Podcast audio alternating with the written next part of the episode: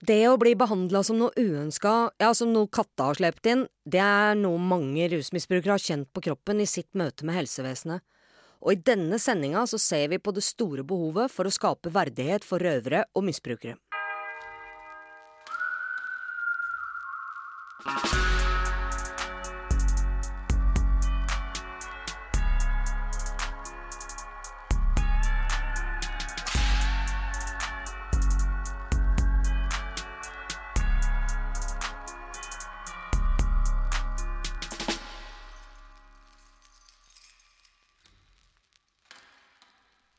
Denne sendinga så skal vi blant annet snakke om LAR, noe som betyr eh, legemiddelassistert rehabilitering, det som tidligere ble kalt Metadon-prosjektet. Og dette tilbudet, det fungerer for noen, men ikke for alle.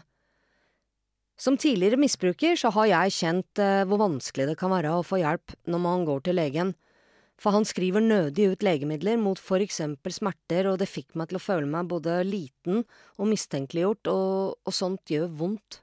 Men heldigvis finnes det unntak, og nå skal vi inn på Bredtvet fengsel avdeling B2, der jeg og røverkollega Hege intervjuer legen Aina Mumbi, som arbeider ved Eika-klinikken. De gir også legemiddelassistert behandling, men på helt andre premisser. Du er lege ved Eika-klinikken i Oslo. Kan du fortelle litt om hva det er? Ja, Eika-klinikken er en eh, klinikk som ble Den er eh, gratis for alle brukerne og ble starta i 2021 etter initiativ fra mange som var eh, de som jobbet rundt og med Sverre Eika, som de fleste som har noe tilknytning til gatelivet, har kjennskap til. En lege som jobba og var veldig, veldig sterkt engasjert i helse og liv for de i utenforskapet. Eh, han døde dessverre i 2021. Og når han døde, så hadde han og andre planer om å starte en gateklinikk for å dekke opp uh, under et sånt uh, helt sånn underdimensjonert tilbud til akkurat denne pasientgruppa her. Det vi gjør, som er liksom spesielt med Eika-klinikken, er at vi, vi, gir substitusjonsbehandling. Uh, utenfor LAR, eller liksom, i et forsøk på å få folk tilbake igjen i spesialisthelsetjenesten. Da, fordi at det som er tilfellet for denne gruppa her med pasienter, sant, som er en gruppe med uh, mennesker med rusutfordringer, veldig gjerne over veldig veldig lang tid, farlig bruk av uh, illegale midler, injiserende bruk, uh, og som ikke som, som, som, ikke får til å fungere i de eksisterende tjenester vi har i institusjonsmiljøet, som fungerer for veldig mange. Så er det en pasientgruppe, og det er den gruppa vår, som det ikke fungerer for i det hele tatt. Pga for rigide rammer, for uh, lang avstand til uh, behandlende lege. Masse faktorer som gjør at det ikke det funker så godt for dem. Eh, hvorfor er det slik, tror du, at det kun har vært forbeholdt LAR da, å bedrive substitusjonsbehandling? Og hvorfor er det så lett for kreftpasienter å få smertelindring, eh, mens eh, rusbrukere av en eller annen grunn da, eh, liksom ikke trenger noen medisinsk hjelp? Ja, det der er et ganske sånn mangefasettert spørsmål. Også. Fordi det, jeg tror det er mange ting som spiller inn her. Du, du kommer jo selvfølgelig ikke unna holdninger i samfunnet til mennesker som bruker rusmidler. Det, er, det, følger noen sånne underliggende antagelser med. Uh, at dersom du er rusmisbruker, så uh, er du ikke til å stole på. Du er liksom i rusens vold, og dermed eh, vanskelig å Det er noen sånne underliggende antakelser som er basert i stor grad på den modellen.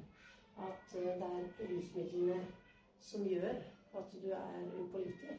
Og så er det jo klart at dette er et felt eh, hvor man behandler mennesker som har veldig sterk tilknytning til kriminelle miljøer. Og det man er mest av alt redd for, Eh, det er jo spredning til miljøet. Veldig mye av disse oppleggene som er lagd rundt substitusjonsbehandling, er laget på den ene siden selvfølgelig for å hjelpe pasientene, men med en sånn sekundær eh, tanke baki der om at man som helsepersonell har ansvar for å hindre spredning til eh, samfunnet. Det, det, er vanskelig, syns jeg. Jeg syns det er etisk problematisk. Det er vanskelig å hjelpe folk samtidig som du mistenker dem. Og det er veldig vanskelig å Det er egentlig ikke en rolle som helsepersonell er verken utdanna for, har noe kompetanse i, eller egentlig skal ha ansvar for, syns jeg. det som kjennetegner denne gruppa av pasienter som vi har, de som på en måte virkelig blir fanga av det, av det uh, i det hamsterhjulet som det er å hele tiden prøve å um, mestre egne følelser. Fordi det er det rusavhengighet handler om. De som blir fanga i det, det er de som i utgangspunktet har sterke relasjonelle uh, traumer. De som aller minst mistenkeliggjort og ha relasjoner som er betingede, og som er sånn Ja, jeg skal gi deg dette hvis du viser meg takknemlighet, ikke sant, ærlighet, alle disse tingene. Det, det går ikke an å bygge eh, behandlingsrelasjoner på den måten. Det gjør ikke det med noen, men spesielt ikke med denne eh, gruppa her. På grunn av den, det erfaringsgrunnlaget som, som de har. Nei, men Det er jo nettopp det som har vært noe av problemet gjennom lang tid. Det er det at uh, man behandler rusen som et problem, og ikke de underliggende traumene. Uh, til tross for uh, muligheter for å miste bevilgningen sin ved å foreskrive sterke medisiner til rusavhengige, så har vi jo allikevel hatt modige leger, sånn som Saraika opp gjennom tida. Sjøl hadde jeg en lege som jeg vil påstå redda livet mitt. Han ga meg morfinbehandling i ett år det som kaltes metadonprosjektet den gangen, før LAR var et faktum. Og eh, jeg vil jo påstå med hånda på hjertet at det året som jeg fikk morfin av han, var 100 reiser bedre enn tilværelsen blei som eh, inn, inntatt i metadonprogrammet. Det er jo helt klart at substitusjon alene, bare det For mange så reell Så gir det en reell forbedring av livskvalitet. Og hvis du ser til og med på LAR sine egne retningslinjer, så er det faktisk det som er målsettinga med substitusjonsprogrammet. Bedre livskvalitet og mindre helseskade. Og dermed mindre lidelse for pasienten og mindre utgifter for samfunnet. Så det er veldig fornuftig med substitusjonsprogram. Substitusjon alene er eh, nødvendig, men ikke tilstrekkelig i de fleste tilfeller. Så har man da laget LAR for egentlig så Det er legemiddelassistert rehabilitering, står det der greiene der for. Og så er det sånn at det fins i LAR de fleste steder, i hvert fall her i Oslo, Ullevål, uh, Aragrorud. De har masse programmer for rehabilitering. Det er tilbud om traumebehandling, det er mindfulness-kurs, de har psykologbehandling, alle disse tingene. Sånn som jeg ser det, så fordi at de har en så lite traumesensitiv tilnærming. Dvs. Si, hele opplegget er basert på kontroll. Du kommer opp på et hus. Det er sluser og dører. Det er Du kommer for å møte legen din for å ha samtale om hvordan det går med behandlinga di. På det samme stedet hvor du går og avlegger urinprøver eh, bak et forheng omtrent. Og LAR er jo i massiv endring.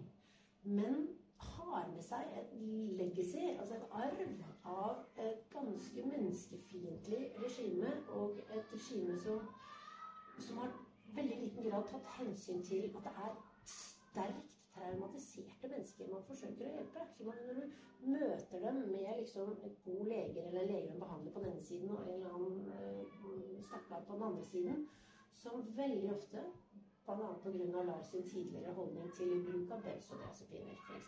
Det har jo ikke vært eh, lov, og er nå bare så vidt på vei inn. Faktum er at de aller aller fleste med tung rusavhengighet, tung opiatavhengighet, de bruker benzodiazepiner i tillegg. Når de har blitt møtt i det regimet som er et kontrollbasert regime, så er de tvunget til å lyve om sitt eget bruk.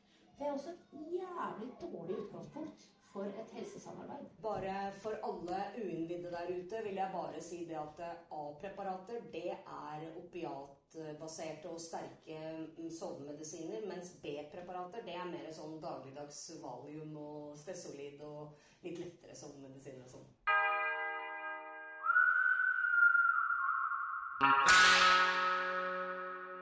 Det som er kjennetegner altså alle disse der Eh, kontorene gjennom landet over, det er at det er veldig langt fra den behandlende legen, som er den eneste som kan si noen ting til pasienten, som kan bestemme over pasientens dosering, eventuelt tillegg av sovemedisin, eventuelt opp- og nedjustering av benzodiazepiner og det, alle disse tingene som er medisinske vurderinger som vi er nødt til å gjøre. De sitter så langt fra pasienten og ser pasienten så sjelden. Og pasienten har ingen direkte tilgang til den legen. Du må gjennom behandleren først. Du skal gjennom sju forskjellige skott før du i det hele tatt får et samtale med legen. Kanskje en gang i året. Hvis du er heldig, liksom. En gang i året. Det betyr at legen har ingen mulighet til å gjøre det vi er lovpålagt. Individuell vurdering og behandling. Behandlinga skal hos rusavhengige, som hos alle andre, justeres etter behov. Det betyr at når eh, faren din dør, f.eks., når du blir kasta på gata, alle tingene dine blir borte for tiende gang i livet, og du er i akutte kriser, så har du kanskje behov for litt mer benzodiazepiner i en periode, eller tillegg av sovemedisin. Det er ikke vurderinger som gjøres. Du, Hege, er jo nå LAR-pasient. Hvordan opplever du det at legen din er langt borte, eller føler du Nei, akkurat nå så går det sånn bob-bob ganske greit, egentlig. Så Det, er, det er jo sånn det visse kamper jeg ikke orker å ta, da. Ikke sant? Ja, Det er jo som du sier, B-preparat og sånne ting. Det, det er jo nei-nei. Og i hvert fall i fengsel så blir det plutselig enda mer nei-nei. Så når man har hatt utskrevet ute, så kommer de i fengsel, så trapper de det rett ned Og så Sobril og sovemedisin og sånn, f.eks. Som blir et problem utover soninga, så klart. ikke sant? Ja, og så tenker jeg, sånn som eh, denne LAR-legen ute, det er jo som du sier eh, Min LAR-lege var jo veldig eh, Altså, jeg, jeg, var sånn Altså, han var um, Hva det heter det? Altså, var sånn, Distansert? Ja, sånn upålitelig, da. Eller sånn Jeg ble veldig mye redd, da. Ikke sant? Så jeg gikk derifra en dag, og de sa det at nå må vi kutte av metodonen din. Jeg satt på kirkegården der og grein og grein. Og hvordan skal jeg få ta livet mitt så fort som mulig? Jeg må ordne meg GHB. Jeg er nødt til å gjøre det. Ikke sant? Og så får jeg en telefon. Hva de meg på? Nei, du får metadon allikevel i morgen. Ikke sant? Men jeg lurte på litt hvordan eh, Har dere noen sånn urinprøver og oppfølging og sånn? Jeg har ikke tatt en eneste urinprøve på Eikerklinikken. Jippi! Ja, vi gjør ikke sant. Vi må jo bevise alt mulig. ikke sant? Så når det går på litt tillit, så føler en litt OK, da, da, er vi liksom på lag. ikke sant? For alt gjennom LAR går jo så eh, prøve å være smartere enn den andre, da. ikke sant? Og at du ikke får tilfredsstilt nok medisiner. og Det gjør jo i hvert fall en overdosen Eh, større fare for det, tenker jeg. For da spiser du jo Da går du og kjøper deg billigere og sånn på gata, og så spiser du mye mer. ikke sant, enn du nesten har fått. Mm. Og så er det jo noe med alle de ubearbeida traumene som jeg forstår at dere eh, da prøver å adressere etter hvert når folk er blitt stabilisert. Men så er det også den tilleggsbelastninga man har følt på gjennom alle åra med stoffmisbruk, hvor du er blitt sett på som mindre enn menneskelig, og hvor, hvor, verdigheten din mer eller mindre er blitt pulverisert. Det å gjenopprette den verdigheten eh, ved å gi tillit og, og, ved samtaler og en mer holistisk tilnærming, rett og slett, så, så det tror jeg er alfa og omega i denne sammenhengen. For jeg, jeg veit av meg sjøl hvor mye det betyr det å bli trodd og, og, og få tillit og bli bekrefta, det gjør at du ønsker å vokse jo på en annen måte enn hvis du bare bekrefter alle folks fordommer hele tida og bare får bekrefta overfor deg sjøl at du ikke er noe verdt. For det er jo det som går igjen hele tida. Ja, og det tenker jeg er det, det er en måte det, det farligste ved hele måten vi har lagt opp rusbehandling på i det landet her. Altså, da har man ikke Menneskets dypeste behov er tilknytning. Altså, du må spise og drikke og ha tak over hodet. Men har du ikke trygg tilknytning til eh, deg selv og til menneskene rundt deg, så er ikke livet verdt å leve for et menneske. Vi er flokkdyr. Og det betyr Det som jeg syns er veldig interessant med den tillitsbaserte modellen, det er jo ikke sånn at det ikke oppstår hendelser hvor Folk uh, selger medisinene sine, ikke sant? og det kommer for øre, eller de henter ut mer enn de skal, ikke sant? Og, og sånne ting. Det gir jo en fantastisk mulighet til nettopp relasjonsbygging. For det, relasjon handler ikke om at ting går knirkefritt. Relasjon handler om rupture and repair. Det er grunnlaget for relasjon. Alle som har hatt et barn i livet sitt noensinne, vet det. Du har en kjærlighet nær tilknytning, og så skjer det et eller annet eh, dramatisk som gjør at du blir sint på barnet ditt, og barnet ditt blir sint på deg. Og så er det reparasjonsprosessen. Når man møtes igjen. Det er det som bygger relasjonen. Og når man baserer seg på mistillit og kontroll, så får man aldri den erfaringa. Jeg gir deg eh, denne tilliten. Vi har et felles mål. Du eh, forvalter den på en måte som er i tråd med de erfaringene du har fra før. Jeg er ikke for de fleste av mine pasienter har aldri opplevd å bli stilt spørsmålet hva er det du trenger for å bli frisk? Da prøver vi med det. Og derfor ingen urinprøver. Det går ikke an. I min det går ikke an å bygge eh, relasjon på kontroll og mistillit.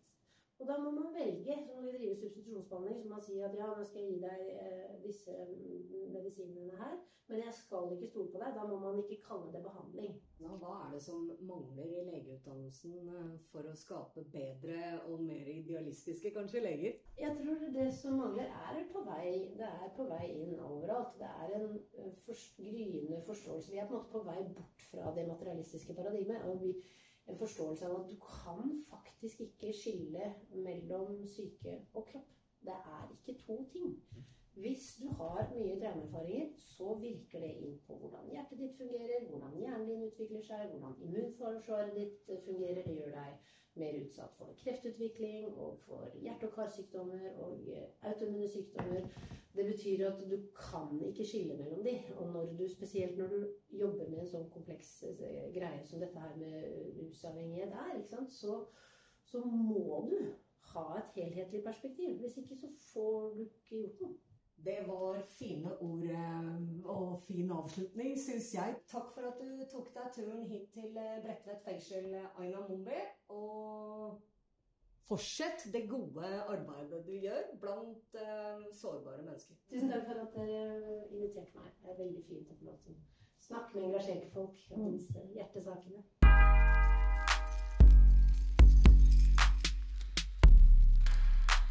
Ja, folkens, det var reine ord eh, for penga fra lege Aina Mumbi der. Men såpass kritikk, det kan vi ikke la stå uimotsagt, så derfor lar vi også LAR komme til ordet.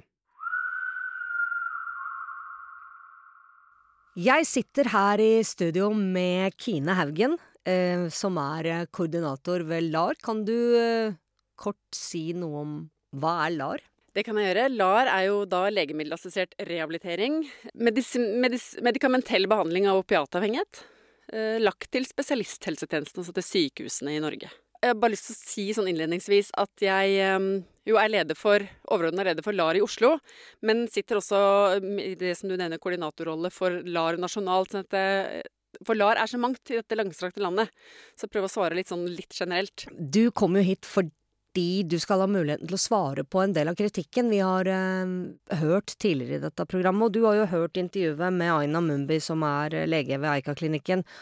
Har du noen tanker på det? Eh, ja, det, jeg har mange tanker rundt det. Eh, jeg tenker at eh, Aina eh, hun sier jo først noe om at LAR er bra for mange. Og det ser vi også. LAR er bra for mange og treffer godt for mange. Og så er det helt riktig at det er grupper vi ikke treffer, eller ikke treffer godt nok. Og så har vi fått en ny retningslinje i fjor. Den hjelper oss litt. Og det tar tid å få den liksom innarbeida på en skikkelig måte. Og det er ikke sånn at alle har tatt den imot med like åpne armer, sånn internt i LAR heller. Så det, der jobber vi på. Nå ble jeg jo veldig nysgjerrig. Kan du si noe om hva de nye retningslinjene innebærer? Ja, det kan jeg gjøre. De legger jo mye større vekt på bruker, brukernes stemme og brukermedvirkning. De er mindre fokusert på kontroll. Kontrollordet er i grunnen tatt bort i det hele tatt. Eh, vi skal sikre forsvarlig behandling. Men kontroll i det gamle, gode eh, kontrollbegrepet, sånn som man kanskje kjenner la fra opprinnelsens tid, det er tatt bort. Eh, og det skal gjøres individuelle vurderinger for alle pasienter. Men når du da sier at kontroll, så betyr det da at dere ikke lenger utfører urinprøver? Og det er der, det er der diskusjonen kommer, da, dette med forsvarlig behandling. Hva er det? Eh, for det, det kan være nødvendig for oss å, å ta en uh, urinprøve eller spyttprøve som vi tar, for å sikre at vi liksom vet hva er det vi snakker vi om det samme her. Men det er langt ned på vår, på vår uh, liksom, handlingsliste. Vi skal først og fremst snakke med pasienten og først og fremst gjøre en klinisk liksom, vurdering av etter samtale, etter den informasjonen vi, vi, får på bordet gjennom at vi snakker sammen, og det vi kan observere mer enn hva de prøvene eh, skal gi oss. Ja, dette høres jo helt fantastisk ut, og, og nesten, eh, nesten, litt usannsynlig. Men nei, det er, det er, bare mine betraktninger. Men hvordan eh, skal dere klare å få gjort det i praksis? Mm, og det er jo her jeg tenk, eh, mener at det, er det å få denne retningslinjen implementert skikkelig, det tar litt tid. For at mye, sitter, mye er historisk, mye sitter fast. Og så er det variasjon rundt omkring i landet vårt. Eh, I LAR i Oslo, de pasientene som kommer til oss og liksom har sin LAR-behandling lagt til spesialisthelsetjenesten, ikke til fastlege, vi tar i hovedsak spyttprøver. Det er det jo mange færre fastleger som gjør. Det er dyrt å kjøpe spyttprøver. Mange sånne mer sånn strukturelle hindringer. Og så varierer det rundt i landet om det er spyttprøver eller urinprøver man tar. Men det, dette her er jo noe av det vi jobber iherdig med i nasjonale møtepunkter vi har for LAR-ledere, og i nasjonale møtepunkter vi har for LAR-leger. Så det, dette må liksom knase inn litt. Og så er det jo veldig mange som også er veldig glad for dette. For det er jo mange som ikke har, eh, altså også i LAR, ikke likt å måtte ta disse prøvene. Den der behandlerhatten og kontrollhatten samtidig er en veldig vanskelig hatt. Både ja, å ha og møte. Den er vel nærmest uh, umulig å gjennomføre. Du kan ikke både være hjelper og straffer i en og samme rolle, vel? Nei, det er en forferdelig vanskelig rolle. Og det er den som jeg sa, vanskelig å ha, vanskelig å møte som pasient, vil jeg tenke. Det er klart. Som du sikkert hørte av, av det du har lytta på, da, så uttrykte jo vår eh, røver eh, Hege ved B2 at hun var redd, at hun følte at at hun når som helst kunne miste medisinen sin hvis hun ikke ja, oppførte seg ordentlig. Og um, er det det dere prøver å komme til livs da, eller? Altså det det skal, det skal, i prinsippet være så godt som usannsynlig at du kan miste medisinen din, eh, faktisk. Det skal mye til. Du kan selvfølgelig falle ut av det vi kaller for å falle ut av henteordning. At du uteblir fordi livet spenner bein på deg, og så har du ikke klart å møte opp der du skal hente medisinen. og Sånn sett så faller man kanskje ut av henteordningen og må opp inn igjen. Og det er sikkert en kronglete vei mange ganger. Men eh, det å ha, bruke rusmidler på siden eller eh, ha litt sånn rufsete atferd, det skal vi håndtere. Og da er det vi som må tilrettelegge tjenestene våre for det. Men hvis det nå er sånn, da, da, da blir det jo et spørsmål her. For hvis det nå er sånn at man i prinsipp ikke kan miste medisinen sin selv om man har misbruk på siden, hva er da hensikten med overhodet å utføre spyttprøver eller urinprøver? Mm. Og det er derfor den er lagt så langt ned på den lista vi skal eh, Vi har liksom å handle ut ifra. Men f.eks. ved en konvertering, da. Hvis en pasient sier at jeg vil fra det ene medikamentet til det andre, ja da kan det være relevant å ta spyttprøve for å vite, ha et slags sånn nullpunkt. Hvor er du nå? Hvor skal vi legge deg hen? Når skal vi konvertere? Hvordan skal vi gjøre det? Inneliggende, uteliggende Nå skal du høre. Poliklinisk. Det, det, er sånne type problemstillinger da, hvor det kan være aktuelt. Mm. Eller sammen med andre type medisiner. ADHD-medisiner eller hva, hva det måtte være. da. Ja, altså det, det, Jeg skulle ønske at LAR fungerte på den måten du beskriver nå, den gangen jeg var pasient der, da, må jeg jo si, fordi da var det ikke uvanlig å bli skrevet ut, og det var heller eh, ikke noe tvil om at eh, de aller fleste gikk rundt og følte på redsel for mm. nettopp det, og det gjorde jeg jo sjøl også til en Eller du visste det, jeg hadde ikke sidemisbruk, mm. så det var relativt uproblematisk, men, men uansett tanken på det Eh, bare. At, mm. at, medisinen din når som helst kan bli tatt bort. Den ja. er eh, helt forferdelig. Mm. Og jeg tror ikke at det jeg sier nå er det som gjelder overalt, uh, men det er det retningslinjen sier til oss. Det er sånn vi skal uh, operere innenfor LAR. Ja, altså dette her er, blir jo bare bedre og bedre, men hvordan skal dere nå jobbe for å nå ut med denne informasjonen til flest mulig brukere, for å si det sånn? Fordi at jeg tror nok de fleste brukere opplever LAR på den måten jeg akkurat beskrev nå. Mm. Og det er i seg selv en problemstilling. Så for mange har med seg mye kjipe erfaringer uh, gjennom å ha vært i LAR i mange år. Eller vært inn og ut av LAR og ha med seg mye kjipe erfaringer. Så der har vi en kjempejobb å gjøre.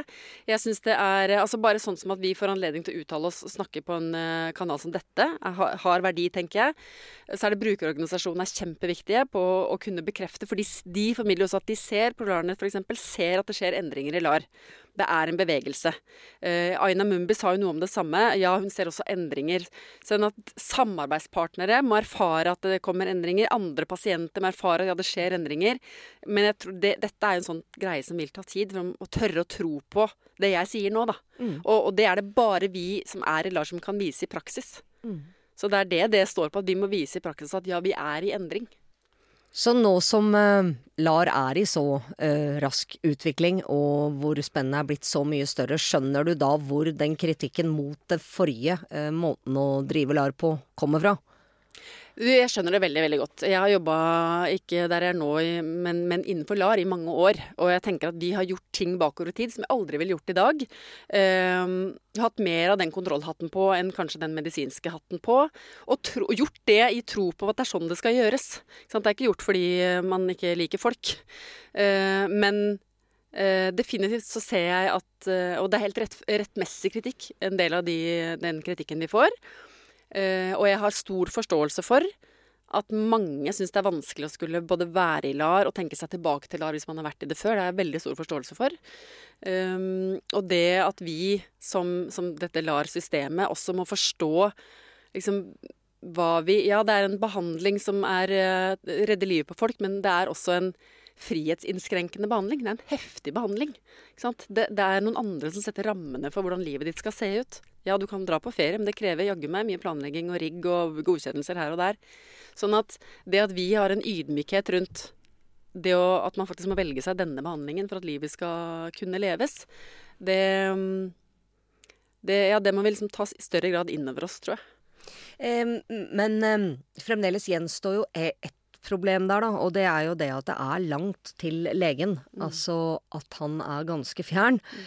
Langt borte. Og visst sånn som LAR-brukere er jo like vanlige som alle andre mennesker, og det skjer jo ting i deres liv også. Si at mora dør, eller at uh, det blir noe tannpinne, eller altså Hvis du er i akutt behov av mer oppjustering av, av visse medisiner, sånn, så kan det vel fremdeles være fryktelig problematisk for en LAR-bruker å få fatt i fastlegen sin? Eller å få fatt til legen, da. Ja. LAR-legen. Ja, og det tror jeg er en helt reell problemstilling. Og den er dessverre Den har ikke blitt noe lettere, kanskje snarere tvert imot, med ny retningslinje. Eh, blant annet så kan vi jo nå vurdere å bruke morfinsulfat, altså Dolcontin er det vi har nå. Det krever en helt annen tilgjengelighet av LAR-legen for å kunne følge opp en konvertering over til Dolcontin og starten av det. Det krever at legen er mye tettere på. Uh, og det er fint at vi har fått flere legemidler å velge mellom, men vi har ikke fått noen flere leger eller legestillinger eller penger. ikke sant? Og i Oslo har vi jo en del leger i LAR, faktisk. Altså Hvis vi ser per pasient, så er det kanskje ikke så mange. Men jeg har jobba i et annet sykehus før, litt sånn i periferien. Vi, hvis vi var heldige, så hadde vi lege én dag i uka. På en hel haug med LAR-pasienter. Da blir det vanskelig å nå den LAR-legen. Og da blir det, akkurat som Aina jo beskrev, ofte via en LAR-behandler, en sykepleier som skal ta det opp med legen når legen er der, eller må ta det på telefon. Og dette her um, er vi ikke kommet liksom til livs med ny retningslinje. Kanskje som sagt snarere tvert imot. Og det har jeg spilt inn i flere sammenhenger der hvor jeg treffer noen som har noe makt etter landet, og sier noe om at takk for ny retningslinje, den vil vi ha. Hvor er midlene som kom sammen med den? Både blir legemidlene dyrere, og vi trenger flere folk til å håndtere dette. Takk for det. Sånne damer som deg trengs, og det trenger vi absolutt til å tale vår sak. Det er ingen tvil om. Takk for at du kom til oss, Kine Haugen, og lykke til med forandringen eh, av LAR videre. Jo, tusen takk for det, og takk for eh, at jeg fikk lov å komme.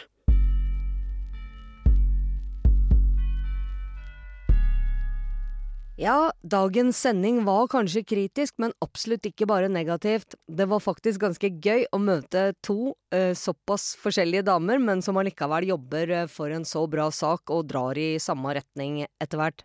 Og vi, vi er tilbake allerede neste fredag klokka 14.00 på NRK P2. Eller på podkast når og hvor du vil, hvis du ikke, sånn som det jeg gjør, sitter i fengsel.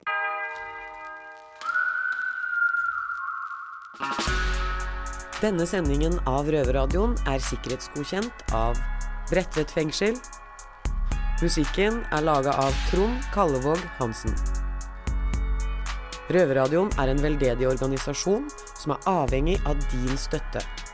Følg oss på Instagram, Facebook, Twitter, eller gå til røverhuset.no og finne ut hvordan du kan støtte Røverradioen.